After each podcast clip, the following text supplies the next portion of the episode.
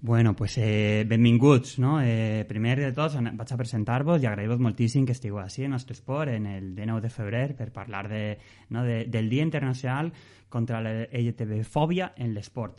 Eh, primer que res, bueno, vaig a presentar Lucía Beamut. Hola, Lucía, tu eres regidora d'Igualtat, Espai Públic i Pobler de l'Ajuntament de València. Moltes gràcies. Hola, bon, bon dia. Després, baix de Lucía, jo estic ahí, veig en vos, està Marta, Marta Claver i López, que Marta, eres vicepresidenta del Club Esportiu Samarux. Sí, hola, bon dia a tots i a totes. bon dia, Marta. I, bueno, Damián, hola Damián, Damián López, Damián López, bueno, tú eres moltes coses, eh? Tinc així com primera activista de taekwondo olímpic LGTBIQ del món i també entrenador del primer equip de taekwondo federat LGTBIQ d'Espanya. I, bueno, a banda, pues, eres monitor de taekwondo, taekwondista, esportista i, bueno, un referent. I per últim... Hola, què tal? Y por último, Chisco. Hola, Chisco. Chisco Ruiz Hernández. Eres vocal d'activisme de... Jo sóc valencianista, així que me fa especial il·lusió de la penya valencianista LGTBI+. Hola, Chisco, què tal? Com estàs? Hola, molt bon dia, molt bé. doncs, eh, a veure, avui estem, celebrem, estem, estem celebrant un dia que, que és reivindicatiu. És el Dia Internacional contra la LGTB-fòbia en l'esport. Per lo qual això el que vol dir és que hi ha LGTB-fòbia en l'esport. La primera pregunta és què és, per què estem parlant d'aquest concepte i de quina manera el sector està patint. És una, si estem parlant qualsevol cosa que siga fòbia, és a dir, és una, una malaltia, és un problema, per què, eh, què és i per què encara estem patint-lo en el món de l'esport? Pues, eh, Lucía, si vols començar tu. Sí, bueno, un bon dia eh, de nou i bueno, moltíssimes gràcies a nostres per crear aquest fòrum que és tan necessari, no? Pues, en un dia que crec que és molt important per a continuar reivindicant, continuar lluitant, eh, per a combatre la LGTB-fòbia i bueno, molt, eh, molt de gust també i poder compartir aquesta taula en, en pones tan importants que trobé jo no? des de Samaruig, València i de, també un referent des de la visibilitat com és, com és Damià. Evidentment aquest dia se celebra a partir d'una data, bueno, de l'aniversari del naixement de, de Justin, que és el primer eh, jugador de futbol que, que va dir que era homosexual, no? I, i bueno, lamentablement ell, ell eh, se va suïcidar arran de, bueno, de, de, de tota la persecució que va rebre, de tota la legitimofòbia que, que va patir i que no va poder suportar més i, i ell es va, es va, es va suïcidar al, als 90 i a partir de, de la data del seu naixement, d'aquesta data del 19 de, de febrer, eh, es comença a reconèixer, a fer una data internacional per a parlar sobre la LGTB-fòbia en l'esport. Trobo que és molt important poder parlar d'això i que a vegades quan es parla de la LGTB en l'esport, eh, moltes vegades se crea com, com un tabú, no? N'hi ha un cert tabú sobre, sobre aquest tema jo en recordo, o sigui, contextina un poc com, com a anècdota l'any passat, en, en, l'any passat justament, arran d'unes subvencions que donen des de la regidoria d'Igualtat i Polítiques de Gènere i LGTBI, són unes subvencions a associacions i col·lectius per a combatre la LGTB-fòbia, per a fomentar les relacions divers, eh, sexuals diverses, iguals, i, i fomentar el, bueno, pues la igualtat, en definitiva, no? en la nostra societat bueno, pues arran de, pues, van una notícia de que havien donat unes subvencions a una sèrie d'equips i jo també feia una reflexió pues, de com clama un poquet al cel no? que, que no n'hi hagin eh, esportistes d'èlit en el futbol que, que, que, que no hagi de, de l'armari, no?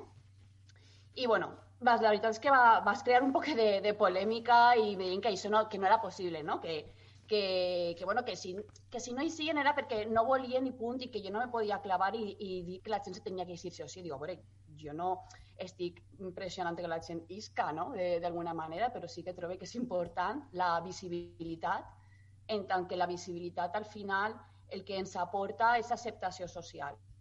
És acceptació social, és trencar, és trencar estereotips i, per tant, és una forma de combatre la LGTB-fòbia. I és, mm, ha de cridar-nos l'atenció d'alguna forma. De fet, eh, altres esportistes, justament també en, 2000, en 2020, eh, crec que va ser un jugador de la Premier League, que també deia que, que evidentment hi havia jugadors bisexuals i homosexuals als equips, però el que passa és que no hi sien i que, i que és evident, no? Tants jugadors que, que n'hi ha que, que tots siguin eh, heterosexuals, pues, mm, segurament no és aixina, no?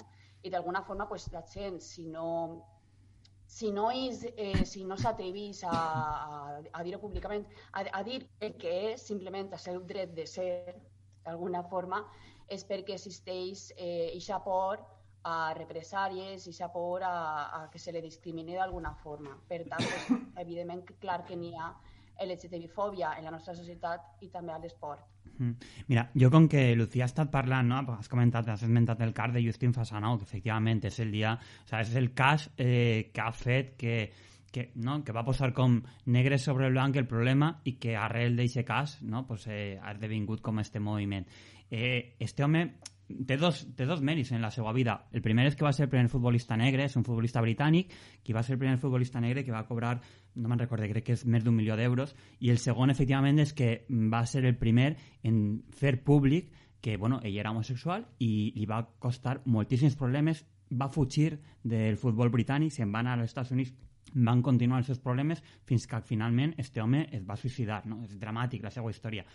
Eh, com està dient Lucía, això, ah, com ha començat, estem parlant de futbol, vaig a per, tu, Xisco, això el que estava palesant no, és que almenys dins del món, del món del futbol, als 90, eh, la homofòbia, en este cas, per no parlar de, de, de totes les possibilitats, és, era molt, molt patent. Tant que va fer que una persona li, li fora insuportable. Xisco, tu com a representant, no? com a vocal de la penya valencianista LGTBI, penses o que, que, en què situació trobes que, que es troba el futbol? Per què es dona aquesta cultura homòfoba a lo millor més en el futbol que en altres àmbits de la societat i què esteu fent de la penya LGTBI? Pues a veure, jo el primer moment també volia agrair que, que des del nostre esport s'hau fet esta, esta xarra o esta taula redona, com havíeu comentat, i també col·laborar també en, en tant en Marta com Lucía i estar en, en vosaltres. I ja des de la penya, pues, a sí que és de veres que des dels els anys 90 pues, la homofòbia i ja entre en, en si la LGTBI-fòbia en, en el futbol és algo que és com que ja està algo que la societat ja ha acceptat, saps? En plan, com que el futbol és pels homes i pues, tipo, pues, la dansa és per les dones. Entonces, és algo que, la societat és com que ja assimila de que el futbol és pal, pal, pal. Eh, a raïs d'ahir, eh, la penya valencianista, bueno, jo com a representant puc parlar de que estem fent o estem col·laborant en el València Club de Futbol Femení, són la grada d'animació del València Club de Futbol Femení, i sí que és de veres que en les xiques, en les jugadors del València Femení, tenim més, com més tracte a, en elles, més complicitat, som, som una pinya, i també tenim més llibertat en parlar d'elles, ja que elles s'obrin més en, a l'hora de la seva sexualitat o, o aquestes coses. Sí que és de veres que en el masculí pues, tenim com, com una barrera, ja que hi ha aficionats que són, pues, encara n'hi ha aficionats que són ultres, n'hi ha cantis en, en els estadis de futbol de primera divisió que són eh, atacs directes al col·lectiu per a utilitzar, eh, per a eh, insultar al rival.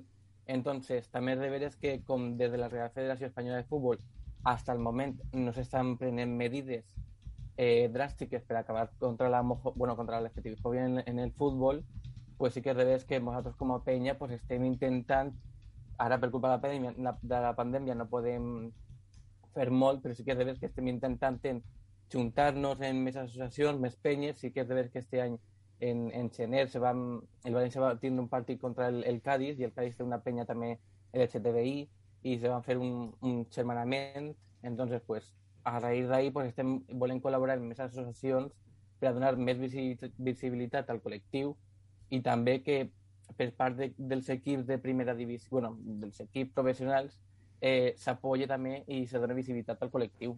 Mm. El Xisco. Mira, Marta, eh, tant Lucía com Xisco no? ells han comentat pues, que un problema és que encara estem com una cultura, no? Xisco a, a, a parlar, no? de que el futbol és per a homes i altres esports, com la dansa, és per a, per a xiquetes. Jo m'he agafat, per a preparar la reunió d'avui, un, el manifest que ha fet, no Samarús, però el vostre, un club germà, no?, que és Drax, ells han fet un, un manifest en motiu del dia del 9 de febrer, i en este manifest, que eh, bueno, pues, hi ha coses que, que són molt interessants, te, te posa, un dels punts que inclou és justament això, de dir que tot el problema segons ells, no? part de la cultura en què estem educats, dir, que estem, dins del món de l'esport, estem educats a que, com ha dit, eh, els esports que tenen una, uns atributs com, no sé, de força, d'agressivitat, han de ser masculins i els esports que són més d'estètics, mm, no sé, dansa, eh, eh, els esports de ballet, tots aquests són, actitud, són atributs femenins i per tant són per a les xiquetes. Evidentment és absurd, però eh, tu, Marta, penses que pot ser esta, igual que en la societat partim, venim, no? de, de que n'hi ha tradicionalment, no sé, eh, pues, eh, treballs per a homes i treballs per a dones, dins de l'esport també està passant una miqueta això, que, que partint d'una cultura que determina uns rols de sexe i l'esport el que està fent és reproduint aquesta cultura i els canvis que gràcies a Déu, no? que, que està, estem vivint com a ciutat, encara no es, o costa més que arriben a, al món de l'esport. Sí, clar. Bueno, eh, partim d'una societat que encara és molt masclista. Aleshores, eh, es veu tots els dies en els carrers i, i damunt en els esports. Eh, des de ben xicotets sí que és de veres que el, el futbol és per a xics i, i si alguna xica vol participar en aquests equips, aleshores és que és lesbiana o, o que li agraden les dones. No? Aleshores encara n'hi ha molts estereotips que, que n'hi ha que trencar i, i, bueno, i els espais estos dies de, de visibilitat i donen, donen lloc a, a això. Eh, este dia és superimportant perquè per això no? El, la LGTBI-fòbia encara existeix i, i es demostra en els referents i sobretot en el futbol, que com estem parlant és, és encara supermasclista i, i bueno, ahí entrem també en, en, en l'esport mixte, en el segregat, que, que bueno, igual n'hi ha que, ara, en tanta diversitat que n'hi ha en, en la societat, igual n'hi ha que repensar no? el com categoritzem l'esport per a que no siga femení ni siga masculí perquè cada dia s'està veient un referent que és en el patinatge Javier, eh, Javier Raya, eh, és un referent, és masculí, encara que el patinatge se considere un esport femení. Eh, aleshores, crec que hem de repensar no? en, en esta segregació de masculí i femení en l'esport. Mm. Bueno, el que dius de repensar és un dels objectius que teniu bueno, tu eres representant de Samaru, però els teus companys de, de DRAS també he vist que, que, que el posa, no?, blanc sobre negre, que és, parleu de l'esport mixt, és a dir, el de, no, no hem de fer com, com grups separats, sinó que el de fer és bueno, in, integrar no? a qualsevol... No, no integrar, és que a mi no m'agrada gastar la paraula integrar, no sé què penseu, en, parlant del tema, integrar de què? Ja, ja, ja, no sé, ja, ja tots estem així, no, ha, no, ha, no ni, el que hem de fer és no excloure a ningú, no? No, no integrar a algú que està fora. Però bueno, per entendre-se, el, que, el que hem de parlar de l'esport mix, com, sobretot quan estem parlant, entenc, Marta, no, i compta'ns el que fas tu en Samareu, des del punt de vista de, de no tant de l'esport d'elit, sinó de l'esport de base, de, de l'esport com a recreació eh, cultural, esportiva i de salut. De dir, pues, bueno, hem de fomentar no, els, espais, els espais mixtos entre qualsevol persona, independentment de la seva consideració sexual. Correcte. Eh, Samarux és, és un club esportiu inclusiu i, i bueno, tots els esports que practiquem eh, són mixtes, sense no qüestionem l'orientació, l'expressió ni la identitat de gènere. Eh, i, bueno, i, i considerem això, que l'esport mixto és eh, un camí que hem de començar i ja no tant en, en el dia a dia, no? o com a oci o com esport eh, més d'amateur, sinó que eh, a l'hora de, de dur l'esport d'èlit també n'hi hauria que considerar-se. Mm -hmm. Samarux és un espai que s'ha tingut que generar per a, per a eh, lluitar contra aquesta LGTBI-fòbia, poder crear espais segurs on la gent puga, puga practicar l'esport que vol sense aquest tipus de discriminació i, i d'estos espais poder lluitar i poder visibilitzar, visibilitzar i, i sempre en una, en una equitat, no? on, on es veig que les dones poden practicar esports eh, al mateix nivell que els homes i, i no tenim per què ser menys ni en, en qualsevol de les categories. Mm. Mira, Damián, eh, que encara no havies parlat, volia donar-te un, una dada Ahí que este, mira, ho he estat ahí mirant i te posa quins són els, els esportistes que en els últims Jocs Olímpics, és a dir, ja fa temps, és el de Rio 2016, eh, varen fer pública, entenem, no? Sempre estem parlant pues, de gent que a lo millor considera que no té per què dir-ho i bé què fa. Vull dir, ningú, a ningú podem obligar, obligar no? Però eh, de 11.551 atletes que participen als Jocs Esportius de Rio, només 49, és a dir, el 0,4%, declararen tindre alguna orientació sexual afectiva no normal normativa mm, dins de tot el... És dir, estem parlant del 0,4%, però qual és de veres que ja heu parlat moltes voltes del problema de la visibilitat, de tindre referències directament a l'esport d'elit pràcticament no existeix. És, és molt, molt minoritari. Damián, volia preguntar-te tu, en la teua trajectòria com a esportista i després, bueno, com a pioner de la visibilització i la reivindicació no? en un esport taekwondo que suposadament potser hauria d'estar dins dels més considerats per a homes, eh, has tingut algun problema en la teva trajectòria i per què consideres que encara queda molt de treball per fer per assolir pues, bueno, una integració real i que no i desterrar per sempre qualsevol tipus de fòbia, en este cas la leitofobia, por favor.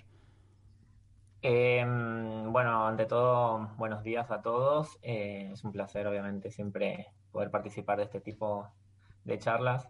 Eh, sí, a lo largo de mi vida, a ver, existe como una controversia con el tema de las artes marciales porque yo empecé muy chiquito, empecé a los cuatro años a hacer eh, artes marciales y siempre fue un espacio de refugio para la gente que, que por ahí sufría algún tipo de, de, discriminación de, algún tipo, porque, por ejemplo, si el, hijo era afeminado, lo mandaban a taekwondo. Si le hacían bullying en el colegio, lo mandaban a taekwondo. Si le insultaban, lo mandaban a taekwondo o a cualquier arte marcial. Entonces, como que, eh, si bien nosotros decimos que eso es un poco careta, es como que siempre lo estuvo, pero nunca se habló del tema. ¿sí? Es como que, porque era el refugio de, todos nosotros ahí también. Yo, por suerte, eh, salí de closet muy pequeñito a los 12 años, nunca tengo una familia muy abierta, eh, pero sí me ha tocado eh, ayudar a un montón de chicos que por ahí venían buscando esa, esa libertad y, el taekwondo te da, hablo del taekwondo en particular porque es lo que practico, pero todas las artes marciales te dan un empoderamiento por ahí que, que no lo puedes adquirir en ningún otro deporte quizás, porque te da seguridad, eh, pero cuando empecé a competir, ¿sí? a nivel sobre todo más profesional y tal, yo hubo una época que hasta los 15 años por ahí no perdía nada. No sé, era porque tenía rabia, iba con rabia peleando, lo sé, pero no perdía nada. Y, y sí, he escuchado, y me ha pasado ahora de grande también, he escuchado a entrenadores eh, alentar a sus atletas diciéndole, va que te toca pelear con el maricón o no tengas miedo que te toca con el mariquita. Me ha pasado llegar a una final y que se den de baja el competidor para no pelear contra mí. Eh, y nada, o sea, son cosas que, a ver, a mí, por ejemplo, siempre lo tuve súper claro y, y, siempre me sentí muy fuerte en ese aspecto, pero también me pongo en el lugar por ahí de algún adolescente o algún joven que está desarrollando su personalidad y que no tiene a lo mejor las herramientas todavía como para, para poder em, no hacerle caso a, lo que está opinando la otra persona de él, eh, nada, me lleva también a pensar en la posibilidad de, que pase una desgracia como pasó con el jugador de fútbol, como pasó hace una semana con un jugador de rugby que se ahorcó en casa de su entrenador. Eh, o sea, eh, creo que hay que tener muchísimo cuidado y una de las cosas, al momento de hablar, y una de las cosas que yo pienso y que llevo analizando un montón de tiempo, que muchas veces ya no pasa ni siquiera por el tema de discriminación, sino que pasa por ignorancia. Al no haber una cultura de formación eh, a clubes y federaciones, eh, por parte obviamente de, los estados, de todos los países obviamente, eh, hay mucha desinformación sobre tratos, por ejemplo, no sé, el, a mí me han dicho, no pegues como una princesa o pega como un hombre, o sea, las princesas también pegan, las mujeres también pegan y, o sea, em, se usa ese tipo de descalificativos como para decirte que sos inferior. Y yo me pongo en el lugar por ahí de, esa persona que está recibiendo esa especie de, norma en su cabeza, eh, cómo se puede después eh, desarrollar su vida normalmente en la sociedad, ¿no? Es, es, creo que, que hay muchísimo trabajo todavía por hacer, pero creo que hay que partir de corregir desde la ignorancia más que por ahí desde la discriminación, porque eh, hemos avanzado muchísimo con el tema de, de, leyes LGTBI y tal, pero bueno, hay una realidad que hay una cultura de vocabulario que todavía está instalada en la sociedad. Mm. Podeu parlar també entre, bueno, directament vosaltres, eh? no cal que espero que jo diga alguna qualsevol cosa. Jo no sabia el que haver digue del cas este del jugador de rugby, em pareix terrible. No, no sabia sí. que havia corregut fa només una setmana sí que m'havia apuntat per preparar la xarra alguns, alguns casos recents no? que han ocorregut així, a Espanya. Vull dir, no, no anem a buscar ja casos en països llunyans que, que el que fan és que, bueno, de, otra volta pareixen que estem davant d'un problema real i que encara ens queda molt de treball a fer. Eh, la temporada passada, no fa 20 anys, la temporada passada es va fer molt públic el car de dos xiques, no? dos jugadors de futbol també, de, de l'esportiu del, del, no, del Deportiu de la Corunya, l'esportiu de la Corunya, que, bueno, que elles eh, són, són parelles, són jugadores, eren companyes i farem públic una situació que d'altra banda molta gent ja es, es dona molt sovint, però que potser no donem el part de dir-lo eh, explícitament. Elles eh, lo digueren i van rebre pues, un, un, un acosament per les xarxes socials de gent que les insultava, que le deien de tots, fins al punt que arribaren a dir, mira, això no pot ser, i el denunciaren i feren públic aquesta situació. És a dir, que mm, per, per posar un cas que crec que mos dona ja pistes de que estem davant un problema que moltes voltes és invisible, perquè la gent, eh, tu estaves dient, Damián, que te donen, eh, te, te, que a lo millor has viscut situacions que, que no has fet... Vull dir, que, que, que estem com assumint que, que hi han... Que, que, que, que, que algú té el dret no? d'insultar-te o de dir-te qualsevol cosa i per, eh, per què? Per què has d'aguantar un comentari i no, i no transcendeix? I no, això no hauria de passar. I un altre cas, i ja vos deixo parlar a vosaltres que m'havia cridat l'atenció, este és una miqueta més antic, és el cas d'un home, que és Jesús eh, Tomillero, que ell és àrbit de futbol, era àrbit de futbol, i que també ell va dir que era homosexual, i li varen fer la vida impossible fins al punt que l'home s'ho va tenir que deixar. I, eh, i estem parlant de l'Espanya actual, de l'Espanya que, que crec que en aquest tema pues, són referència al món, que som una societat prou oberta, però la veritat és que constantment ens trobem en casos que, de, vamos, de, de LGTBifòbia. Aleshores, la pregunta és, hem vist una miqueta no? quina és la situació que tenim, quines són les reivindicacions, i ja vos convido que parleu directament amb vosaltres, que el sector o que el món de l'esport en un dia com avui ha de fer per tal de desterrar este problema. Eh, es que yo creo que existe también aún socialmente un falso está todo bien eh, por parte de la sociedad, ¿no? O sea, es como que la gente sí está todo bien, pero bueno, mientras que no toque el maricón en mi casa o mientras que tal, siempre tenemos un amigo conocido, pero está todavía instalado ese falso, está todo bien. Y creo que es muy importante que existan leyes que castiguen a las personas que fomentan este tipo de violencia eh, para poder realizar un cambio. ¿sí? Es, es, es un camino súper largo, esto recién empieza. Creo que eh, hoy en día recién se estamos pudiendo visibilizar a través de, políticos que apoyan, de activistas eh, que tienen más posibilidades por ahí de, hablar, de defender y, de dar a conocer las situaciones que vivimos, porque más allá de todo, te guste o no te guste, existimos y tenemos los mismos derechos que, el resto de las personas, ¿no?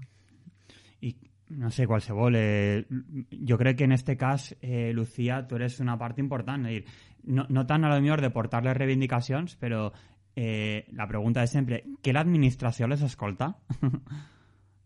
és una pregunta directa. Clar. No sé, tens diàleg, com ho fas? En un dia com avui, com fas per tindre diàleg amb, no? amb les persones que t'estan dient escolta, que és que en el món de l'esport encara queda molt per fer.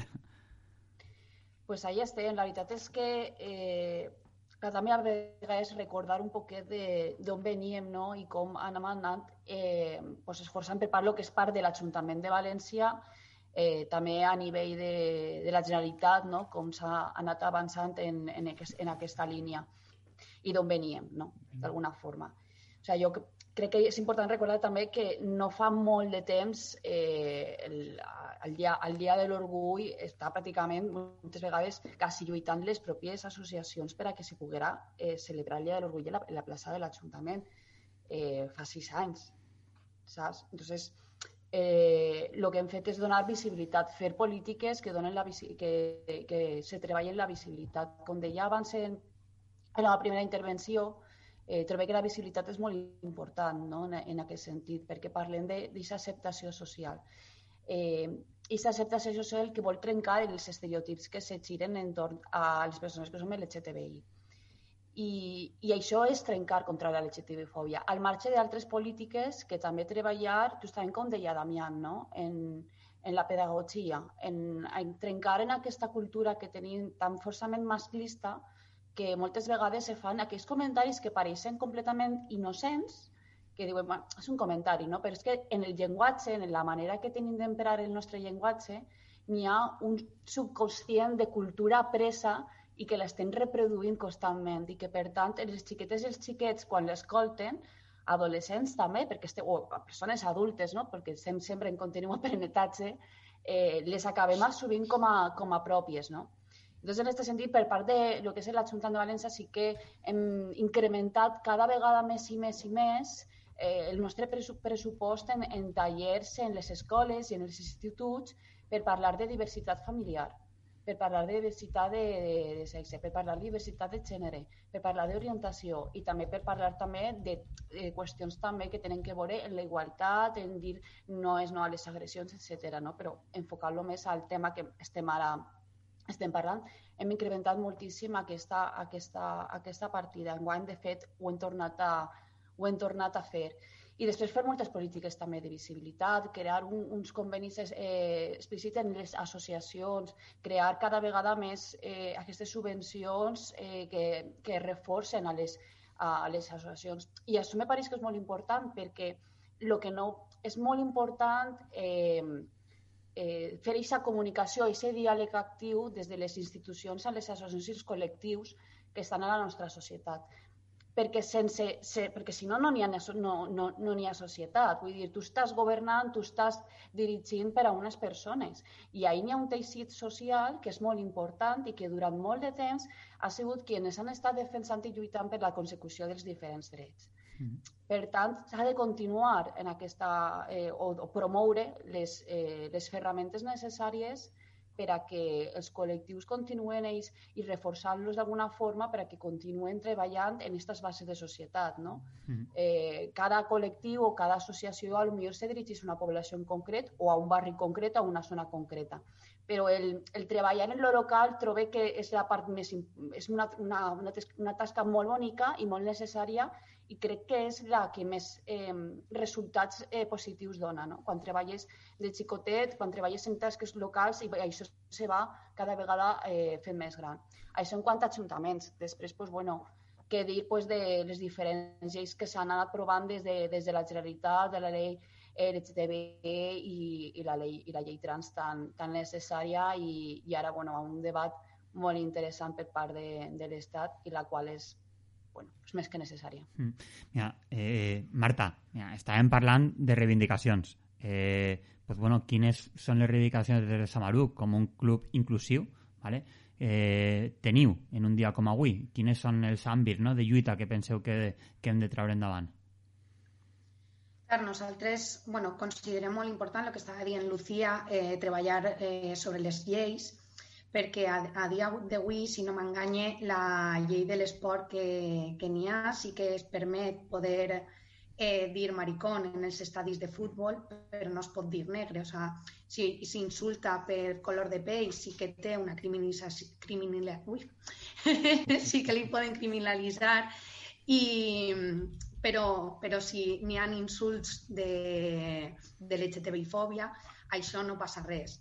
No? Aleshores, crec que és molt important anar encaminant cap a, cap a aquestes lleis de, que protegisquen a, al col·lectiu i bueno, des de Samarucs nosaltres utilitzem l'esport eh, com a via de, de visibilització i de, i de lluita.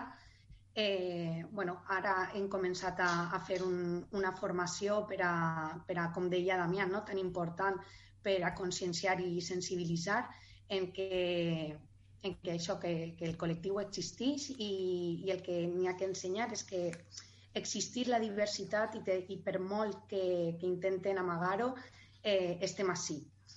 Aleshores, pues, a través d'això, de, de, de lleis i, i de visibilitzar i de dies com avui, que encara n'hi ha que explicar-li a la gent per què és necessari dies com l'orgull o dies com, com la, el Dia Internacional de, de la LGTBI-fòbia en l'esport i, i la manera de, de reivindicar-se és esa, fer-se fer visible i, i cridar. Mm. Chisco, a veure, conta'ns tu les reivindicacions. Eh, clar, vosaltres sou una penya, sou una penya d'animació. No sé si també en, el, en les vostres cars heu tingut o heu patit alguna situació mm, d'algun company que, que hagi viscut i si no, bueno, pues com a penya LGTBIQ, quina, quina reivindicació faríeu? Sí, mira, nosaltres eh, vos podem contar dos casos que van patir i uno va ser la secretaria de, de la Peña, Amparo, eh, no fa molt, quan podíem assistir als partits de futbol, va assistir a Mestalla i des del seu asiento, des de la part de darrere, un, un aficionat es va clavar contra l'equip rival eh, en els insults de maricó de merda, negre de merda. Ella el que va fer va ser recriminar-li aquests insults, però no va poder fer res més. En plan, va parlar en la seguretat de l'estadi, però per molt que ella li, li informara, la seguretat de l'estadi no va fer res. I l'altre cas també va ser de que diversos socios de, de la penya sí que van anar també a veure el València en un, en un estadi visitant i no vam poder treure la bandera de la nostra penya pel simple fet de que n'hi havia grups radicals eh, allí presents. Entonces, anem en, sempre anem en eixa por de que si anem en la nostra bandera se mos puga dir de, de tot, de, per ser el que som, per vestir com vulguem vestir, per portar la nostra bandera o, o, o insígnia de la penya.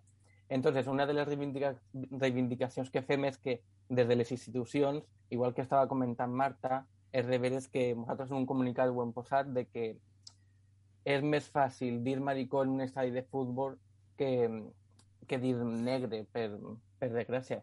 És de veres que n'hi ha que acabar en aquestes coses, tant en la discriminació per raça com discriminació machista com discriminació per l'orientació sexual. I també altres eh, reivindicacions que fem és que des de la Real Federació Espanyola de Futbol es, es prenguen medides per a fer visible al col·lectiu en, en la societat. És de veres que la Real, eh, la Real Federació Espanyola de Futbol, per molt que anunciarà un, un consell per a denunciar els actes LGTBI-fòbics en el, en l'esport, bueno, en, en el futbol espanyol, no pot ser que l'any passat firmarà un contracte de tres anys per a, per a celebrar la Supercopa d'Espanya de, en, en Arabia Saudí, en un, un, un, un país on se discrimina o, i se vulnera els drets de, tant de les dones com del col·lectiu.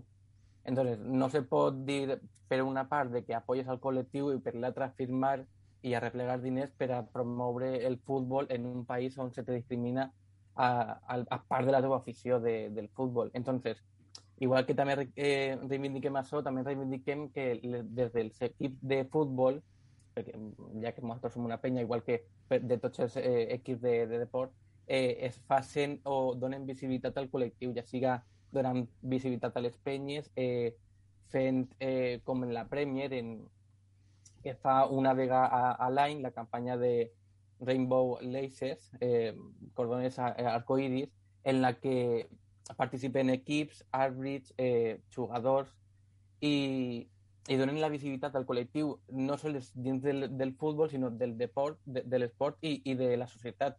Entonces són coses que jo crec que així en Espanya se, se deurien de fer. Mm. Mireu, tots heu esmentat ja esta paraula, no? lo de visibilitat, tindre referents, tindre visibilitat i que costa perquè moltes vegades pues, ell estava dient que a mi el que ha dit Xisco també me pareix terrible, el dir que tingues por de traure la bandera a la teua penya perquè saps que si ho fas n'hi ha uns decebres que van a dir-te qualsevol cosa, això és terrible, és que això no... Però me dona igual quina bandera siga, o sigui, vull dir, escolta, eh, vaig a treure el que me dona la gana, o sigui, faltaria més, no? Eh, estic recolzant el meu equip i punt. És terrible que, que, que encara es donen en aquestes situacions.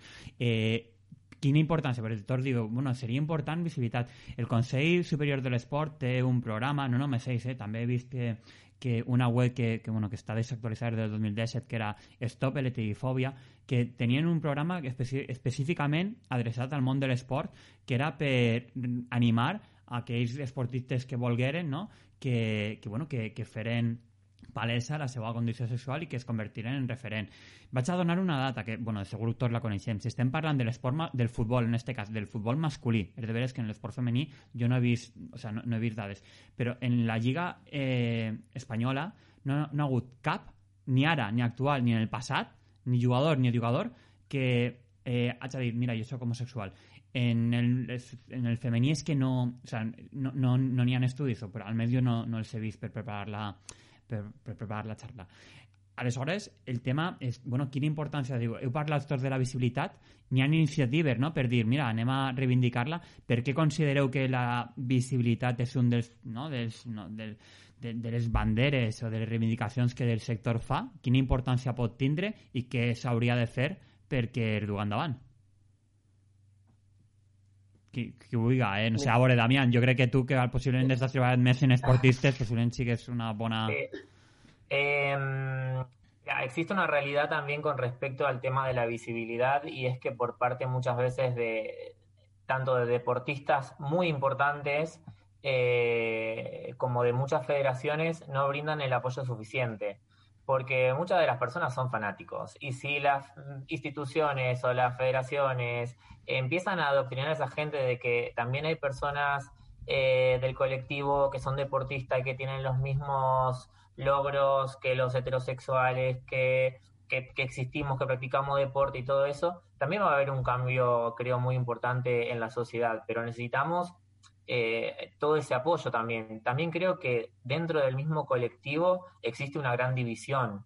Eh, no hay unión dentro del colectivo LGTB eh, y se está viendo sobre todo ahora con el tema de la ley trans. O sea, yo sigo muchísimas personas y muchísimas personas muy importantes y no he escuchado a nadie compartir un vídeo, compartir algo eh, para poder apoyar. Eh, y nada, todas esas cosas creo que son súper importantes. Que primero que el colectivo se una y luego recibir apoyo de, las grandes instituciones. Nosotros, eh, dentro del taekwondo, por, por suerte hasta ahora en los países que he estado, hemos tenido mucho apoyo tanto la Confederación Argentina, por ejemplo, que en su momento tuvo un problema de discriminación contra uno de sus entrenadores esa fue la primera Secretaría de Diversidad que creamos dentro de un ente nacional que regula el taekwondo eh, en todo el mundo. O sea, imagínate que es la primera en todo el mundo. Ahora estamos teniendo y estamos trabajando mucho con la Federación Española también que nos está brindando todo el apoyo, pero como decía, eh, que a veces les da vergüenza por ahí sacar la bandera, es que hay que sacarla, alguien lo tiene que hacer y creo que nosotros eh, somos los encargados de, poder empezar a cambiar algunas cosas para que los que vengan atrás les quede algo un poco mejor. Eh, nos van a insultar, sí, nos van a decir cosas, sí, pero eh, el cambio también lo podemos generar nosotros.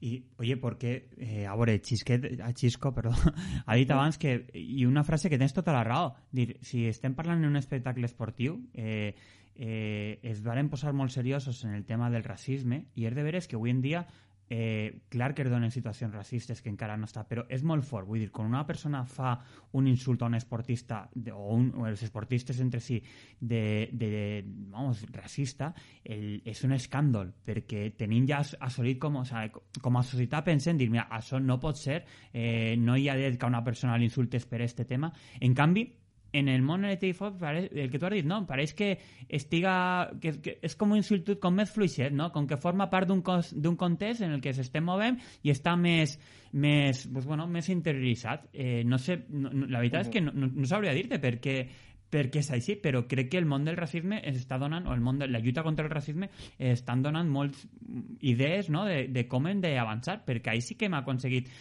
no desterrar els racistes, encara n'hi ha, mm, desgraciadament, però almenys sí que són cada volta un grup més marginal no? i que està mm, mal vist per la resta de la societat. No?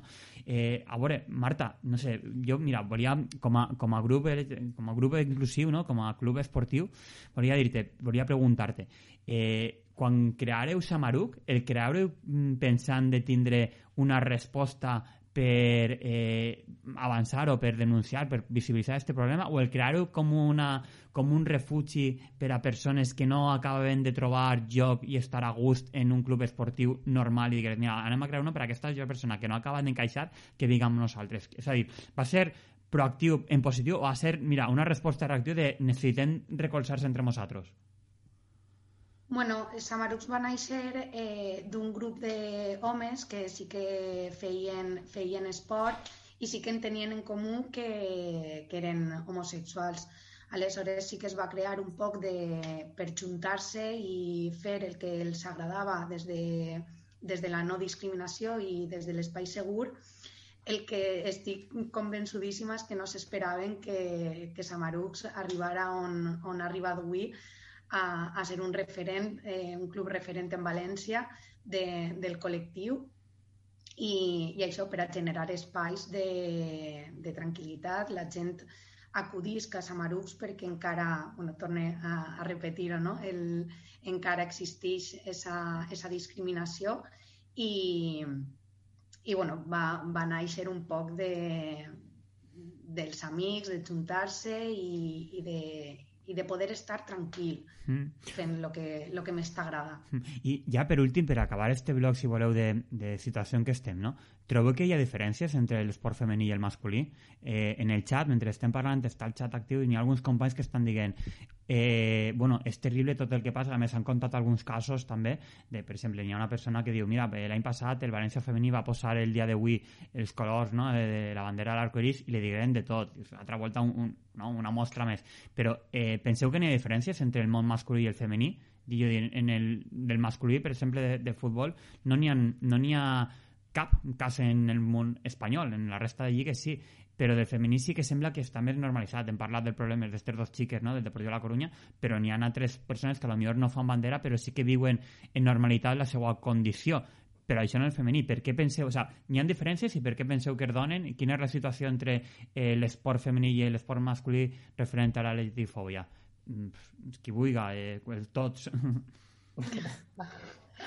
Bueno, a veure, en primer lloc, no, eh, no sé si abans m'havíeu preguntat alguna cosa, però m'havia despenjat, m'havia caigut, entonces no sé, m'havia perdut un poquet.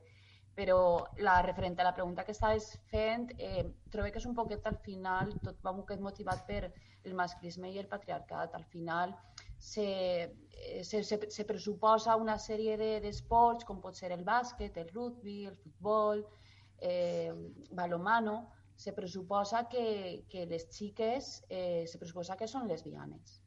I per què? Per, perquè sí, i, i ja està, i dius, pues, igual no. Evidentment, la mateixa forma que se pressuposa que, que els xics que practiquen aquests esports són tots heterosexuals. De la mateixa forma, quan se'ns anem a esports com pot ser eh, eh, gimnàsia artística, eh, pues, natació acrobàtica, etc., ahir se pressuposa que les dones totes són heterosexuals, no? I se pressuposa que els homes que practiquen aquests esports pues, eh, són homosexuals, no? Ja, de, ja no parlem de si, si, si existeix la, eh, les persones bi, no? Això ja, és, és, ja seria un altre, una, ja, un, un altre món, no? perquè el, o és una cosa o és una altra, però mm. la, la part que ser bi, pues això pues, és com que no pot ser, no? de, de qualsevol mm. Eh, entonces está, están esas cosas, ¿no? Es, es, es presupo, se, se, se, presuposa, però se presuposa a partir d'uns estereotips no? que se tenen.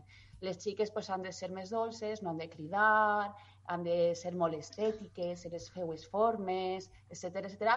i aquests han de tindre molta força, no? I han de ser, han de ser competicions amb, molt de, amb molta potència, amb molta resistència, i, i per tant, pues, les xiques que no poden tindre aquests atributs, aquelles que practiquen aquests eh, esports, pues, bueno, se pressuposa que, que totes elles són lesbianes, no? I això també és una forma de LGTB-fòbia, al cap i a la fi, no? Mm. Entonces, eh, al final parlar de tot això també és parlar de, pues, això, de trencar estereotips, no? I de, i de dir que, bueno, pues, que el món és divers i que l'esport també és divers, no? Tant les seues pràctiques i també les persones que les conformen i, per tant, pues, pues n'hi ha de tot. Mm. Mira, i continuem tu, Lucía. Anem a parlar, perquè ara estem parlant no, situacions, problemes, discriminació, casos...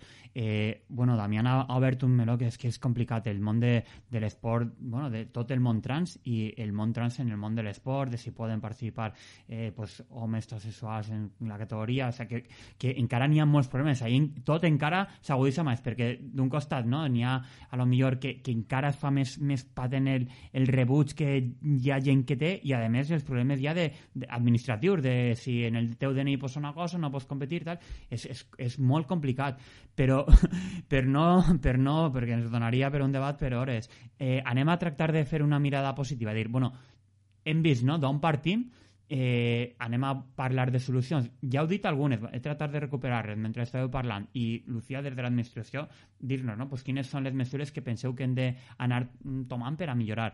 Heu parlat, Damià ha parlat de formació. Mareta, tu també has parlat de, de formació. Tots hem parlat de visibilitat, de tindre referències, pues, mm, quines són, no? com podem treballar per a, per a millorar. També en el xat estan dient que el que s'hauria de fer és no estar reivindicant avui o dos dies a l'any no? eh, pues, eh, el, pues, la situació, sinó fer tot el tot l'any no? treball per a, desterrar la lletefòbia. Pues, bueno, quines serien les mesures? Quines són les, les solucions que podem anar posant a aquest problema? Mira, jo volia afegir que, perquè crec que també és molt important eh, la investigació, mm -hmm. perquè és de veres que no n'hi ha datos. Tu te fiques a, a buscar eh, datos de LGTBI-fòbia, de delictes d'odi, de... i és de veres que, que falta molta investigació amb el tema trans. Eh, estem debatint sobre una llei en, i, i estem ficant no, en qüestió eh, si una dona trans pot participar en categoria masculina o femenina i no n'hi ha datos que avalen el per què sí o el per què no. Aleshores, crec que a, a banda de la formació, la investigació és molt necessària. Mira, Marta, tens tota la raó. Eh? Jo però, tampoc és que haig fer un doctorat, però per preparar una miqueta la xarra m'ha costat moltíssim. I no o sea, no n'hi ha un lloc on puga veure un estudi i tal, sinó que vas veient pues, això que va ser, es va fer públic, un escàndol de per així, una controvèrsia per allà, uh -huh. i te vas fent una composició, però, però no, no, no, fa un falta una, o sea, més investigació. De segur que n'hi ha i que jo no la conec, eh? però almenys per al, per al sector públic o per als periodistes d'anar, posar en Google a veure què n'hi ha, ens costa, per la qual tens tota la raó. Mm. No, des de, la, des de ADI, l'agrupació de, de diversitat ibèrica, sí que s'ha creat un observatori per a poder ficar en, pues això, en qüestió totes aquestes dates, però és que encara falta, falta molta, molta mm. investigació. I què més coses poden fer com solucions? Eh, jo crec que, Lucía, el que diga, per, per tindre, tu al final és així, la política, representant de l'administració, doncs des de l'administració en, què, en què esteu treballant o què objectius teniu? Pues mira, ara estem treballant, bueno, ja portem un, un temps perquè són coses que tens que... Hi ha projectes que són més a curt termini que pots en seguida realitzar i, i, vas, i vas fent no? pues les campanyes, tot tipus de coses que les vas fent tots els anys. I després pues, tenim un projecte que és eh, fer una oficina de no discriminació i directes d'odi. Eh, aquesta oficina, eh, al marge de, de crear-la, no? pues, pues, primer buscarem la ubicació que seria de titularitat municipal, escrivim al ser, a la regidoria, la creació del projecte que ja el tenim. Ara pues, estaríem en disposició de començar a fer l'obra i hem començat a fer la licitació de l'obra. Però entorn a aquesta oficina, evidentment, pues, té que tindre un contingut, no? No dir, pues, crear l'oficina i avant, no? I, i ja està. Té un contingut. Pues, hem treballat un pla de convivència, un pla de convivència eh, a aquesta oficina. I ho hem fet eh, justament en un procés participatiu convidant a moltíssimes associacions, a moltíssims col·lectius de moltes vessants, no? perquè quan parlem de no discriminació i directes d'odi, doncs parlem eh, també de religió, parlem eh, qüestions de, de sexe, parlem de LGTBI, parlem eh, també qüestions de llengua, eh, de racialització, etc etc. no? Entonces, eh, pues, bueno, hem fet aquest procés participatiu perquè d'alguna forma, com deia abans, eh, tenim que comptar no? en, en l'experiència, en este saber col·lectiu que, que tenim entre totes i tots i poder plasmar-lo en, aquest, en aquest pla de convivència. Mm. I entorn d'això pues, crear un observatori. No? Este observatori ve un poquet pues, a, a, a, bueno, a controlar un poquet el pla, no? d'alguna forma. Els plans no tenen que ser com la Bíblia, no? Jo lo creo i esto se queda aquí para siempre. Evidentment, els plans tenen que respondre a la societat. Les societats són canviants i, i per tant, ha d'estar viu i perquè estiga viu pues, és necessari que s'analitzi, s'avalue i se, inclús quan tu el crees pots pensar entre totes i tots que aquestes mesures són correctes, no? Però quan tu les implementes te dones compte que tens que corregir i tens que ajustar-te, no? Pues, tindre aquest factor i, i entendre que, pues, això, que els plans tenen que estar vius i continuar ahí. Entonces tenim este, tenim este projecte que, és que estem ahí molt, molt motivades no? en, en treballar en crear aquesta oficina, que seria com la part més visible no? de, de, de tot això, que és l'oficina de no discriminació i, i delictes d'odi. Això com, com a administració des de, des de l'Ajuntament, no? de una, una base un poc més local i d'aquesta acció de, de peu de carrer més, més que, té, que tenen la part dels ajuntaments. Mm -hmm. I Xisco, tu des de la penya valencianista, quin, no? des del teu posicionament, quin penses? No? Quines solucions podem? Hem parlat de creació de l'observatori, d'investigació, de formació... Quine, quines solucions posaries tu? O per on creus que hem d'anar? Pues mira, lo que dia Lucía és una bona notícia i esperem que tant nosaltres per parlar de futbol pues esperem que el València, tant el masculí com el València femení, s'adherís a aquesta oficina per si en algun moment, eh, desgraciadament, té algun cas de denúncia, la trasllada a aquesta oficina per a que després, eh, més avant, es un, com una estadística dels casos que han hagut de, de delicte. Però, clar, n'hi ha molts casos que se queden en plan en, pues això, el tema de que se ho dius al seguretat i el seguretat vale sí, sí, sí, però al final se queda ahí. Entonces, pues, altra cosa que també demanaríem és que des de les institucions eh, es faci en plan, se forme a, al personal per a per si s'encontren aquests casos tipus que se denuncie per discriminació, per, per totes aquestes coses, eh, siga capaç de com reaccionar, ¿no? Que no sigui una cosa que te diga, vale, pues tranquilo, te la hablaremos, no sé què, i, i poc més també pues, demanarien que des de les institucions, el que estàvem comentant antes, la, visibilitat, la, la visibilitat de que se facin eh, campanyes, events, eh, pues jo que sé, partit tipus com un partit contra la LGTBI-fòbia, que, que jugaren en plan equips de futbol professional i que perquè se doni una visibilitat més a, a, a este col·lectiu, bueno, al nostre col·lectiu. Uh -huh. Entonces, és un problema que a dia d'avui pues, com que no tenim, no? Com que en les institucions deportives o els nostres equips no, com que no les costa apoyar-nos, no? Mm -hmm. I a lo millor jo, pensant jo, jo crec que molts equips no apoyen eh, al col·lectiu pel simple fet de intentar no ser eh, criticats per la seva pròpia afició, per la seva pròpia afició eh, homofoba, perquè n'hi ha molts equips que té afició homofoba o, o ultres també, per el tema de que no insulten a l'equip o no demanen, pues, imagina, la dimissió del president perquè, se, eh, perquè se apoyen al col·lectiu o donen visibilitat. Mm. No sé si m'explico, sí, però... està clar, però és molt trist, perquè jo, per exemple, com valencianista, per a mi seria tot un orgull que el valencià pues, farà un dels clubs pioners en recolzar una iniciativa d'aquest tipus. O sea, uh -huh. lluny de, de dir, mira, vaig a criticar-los, dia, no, no, i ben orgullós que estic. O sea, jo, personalment, i de segur que molts valencianistes sí. també, eh? Però... Sí, nosaltres, gràcies al València, va ser la primera penya de futbol eh, en Espanya que va participar en l'Orgull de València en l'any eh, 2019, en l'any del centenari, i ja que l'any passat no, no van poder participar, però i van ser la primera penya. Sí que és que el València ens va apoyar, va, va fer un vídeo en el que va publicar en redes socials i també ens va fer una entrevista en la ràdio oficial. Eh, també és que el València, pues, el, crec que el dia de 9 de, de febrer també canviava el logo eh, de, la, de, de redes socials, però este any, fins al moment, no, no, hem, pogut, no hem parlat en el València. Sí que enviam, les hem enviat un correu, però fins al moment no he tingut resposta. A dia d'avui pues, pensé que se va quedar la cosa en aquest correu i pues, demanem que ja que van ser nosaltres els pioners en ser la primera penya de futbol i participar en l'orgull de València, que, que més que seguir seguint pioners el, el València de, de estar ahí en la lluita contra la LGTBI-fòbia. Mm. I, Damián, a veure, ja, eh, Damián, i després una última ronda de conclusions i ja acabem.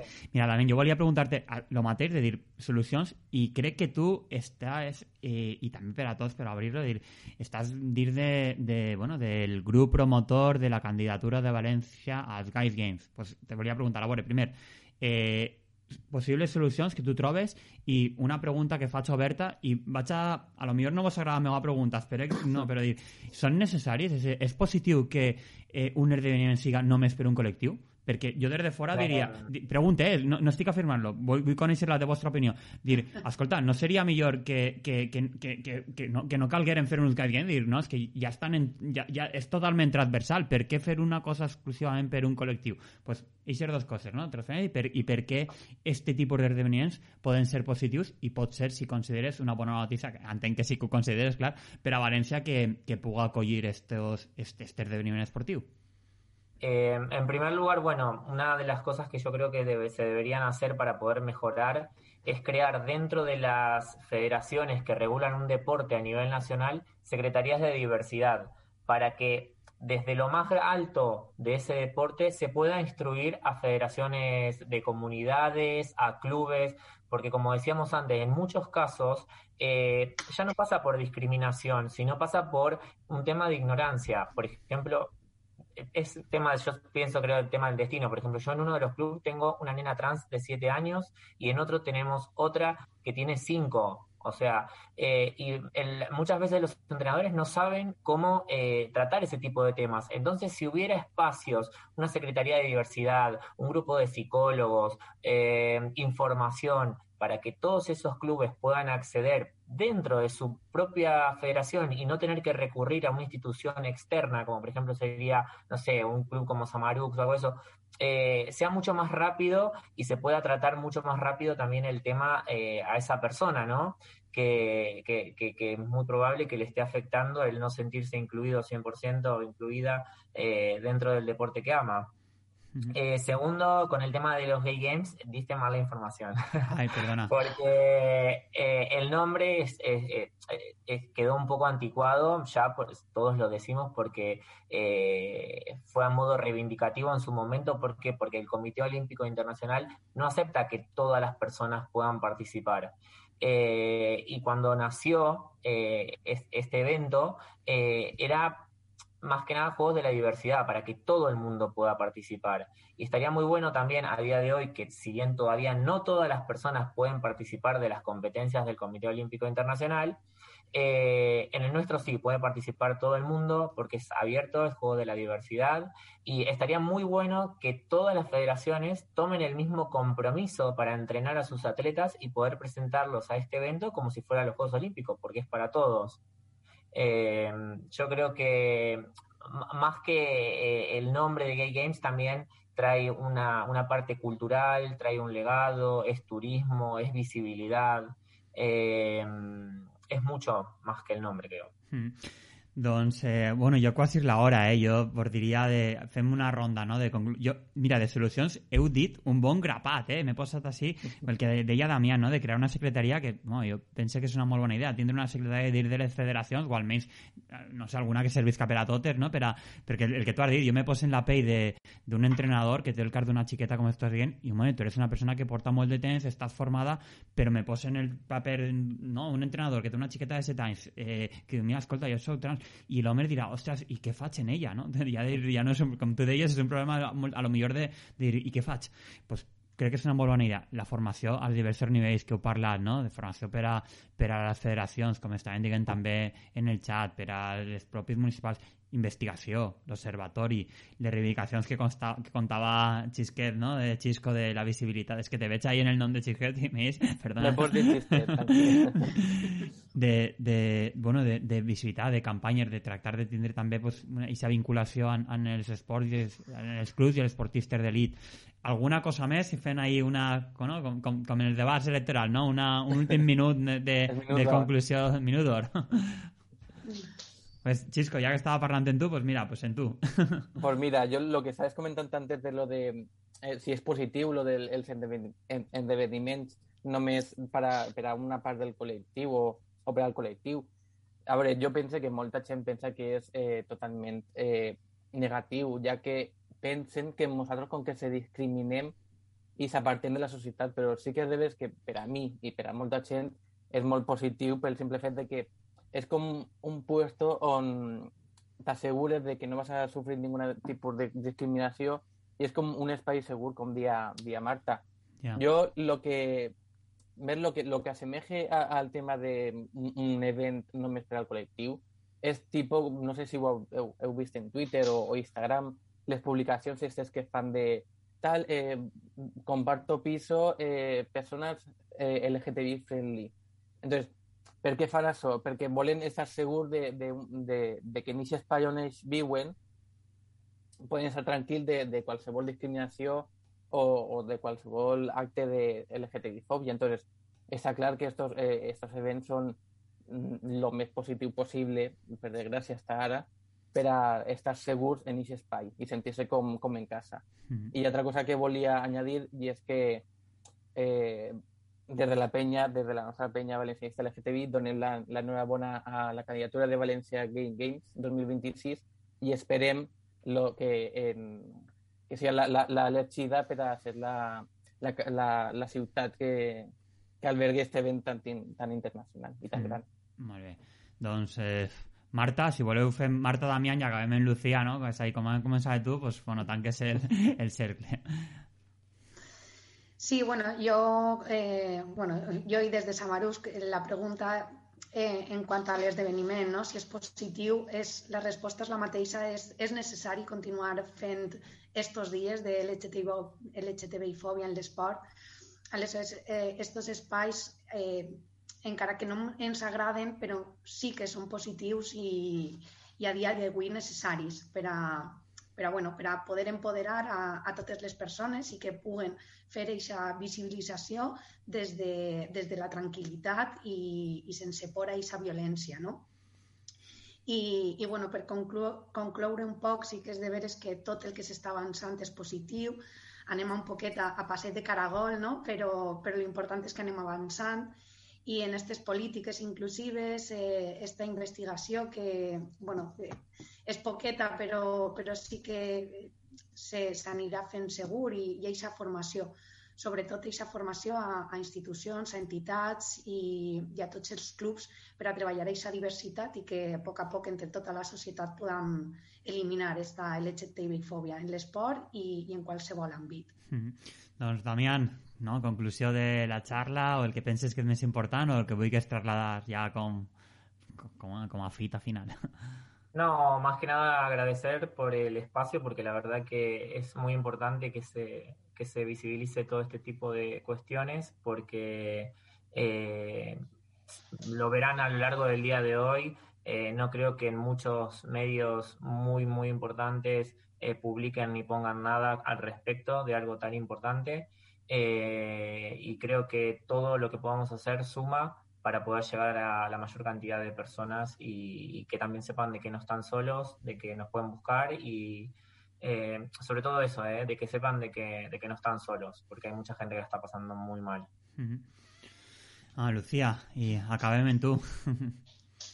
bueno, pues ahora, agafant un poquet la, el que estàvem comentant no? sobre els games, evidentment, sempre jo trobo que és important ficar-ho damunt de la taula, com ha dit Damián, que són sobretot uns, són uns jocs que són inclusius i que mm. són diversos, no? I que, per tant, no són excloents, no? Seria d'alguna forma. Això, isa cita la tenim que tindre molt presents, però així, exactament el que se parla en, en aquestes qüestions, no? Quan, quan se fa una, un esdeveniment en, en particular o que se fica com a foc més visible a un col·lectiu, en aquest cas l'LGTBI, eh, estem parlant d'una altra cosa. Se suposa que els estats que, que som avançats eh, haurien de garantir el dret a ser, però quan és el dret a ser esdevé una discriminació, no se garantís i n'hi ha desigualtats, per tant, els estats tenen l'obligació de poder legislar per a garantir que no se, que no se cometen aquestes discriminacions i aquestes desigualtats. Eh, hi ha un debat que jo crec que ja l'hem superat en quant al feminisme, quan parlaven de les discriminacions positives, de les quotes, de poder tindre sempre una quota de dones, unes quotes paritàries en les institucions, en els òrgans d'administració, etc. el que també se parla ahir és el dret a ser, justament. Entonces, això se vendria a ser un poquet este símil, no? el dret a ser i de dir, bueno, és que es, es, existim i, per tant, el que estem ficant visible és que s'existeix i tenim dret a ser, no? dret a assistir i dret a ser com som i que no mos diguin com tenim que ser. És, és una cosa que pareix senzilla, però que mm, a vegades costa d'entendre per a algunes persones, no? I mentre que costa per entendre per a algunes persones, pues ahí continuarem esforçant-nos per a que això canvi d'alguna forma. Mm. Doncs moltíssimes gràcies. Jo, mira, vaig a fer una, una xicoteta conclusió personal ja. I és que eh, quan, ara, quan he investigat un, i vos he escoltat no, de, de les reivindicacions, tot el que esteu dient de la LGTB-fòbia, és que mm, lleva-li la LGTB, són coses de sentit comú, transversals, per a tots com a societat, i que, no, dir, és, o sea, jo, la, la sensació que me porta és que estic escoltant un sector que està demanant coses que haurien de ser per a tots. I me da igual ja el sector, dir, que no, són coses molt, molt, molt naturals i que haurien de ser, mm, com tu has dit, no? per ser, perquè són persones i estem en una societat i de les formes en què ens relacionem entre nosaltres. I me dona igual qual, el cognom que li posem després, no? És a dir, que, que són total, totalment, no sé, justes, de sentit comú mm, i, i que haurien de ser transversals a, qual, a qualsevol col·lectiu, a qualsevol ésser humà. I, bueno, moltíssimes gràcies eh, per, per haver comptat esta amb nosaltres i, bueno, pues, eh, espero que desfitxe, no? que, que passeu un bon dia i que continueu la vostra tasca no? per desterrar esta fòbia, que com totes les fòbies hem de desterrar-les de, de, de la nostra societat i del món de l'esport. Vale? Bueno, doncs... Gràcies a vosaltres. Sí, gràcies a vosaltres. Adeu. Adéu. Adéu. Adéu. Adéu. Ja hem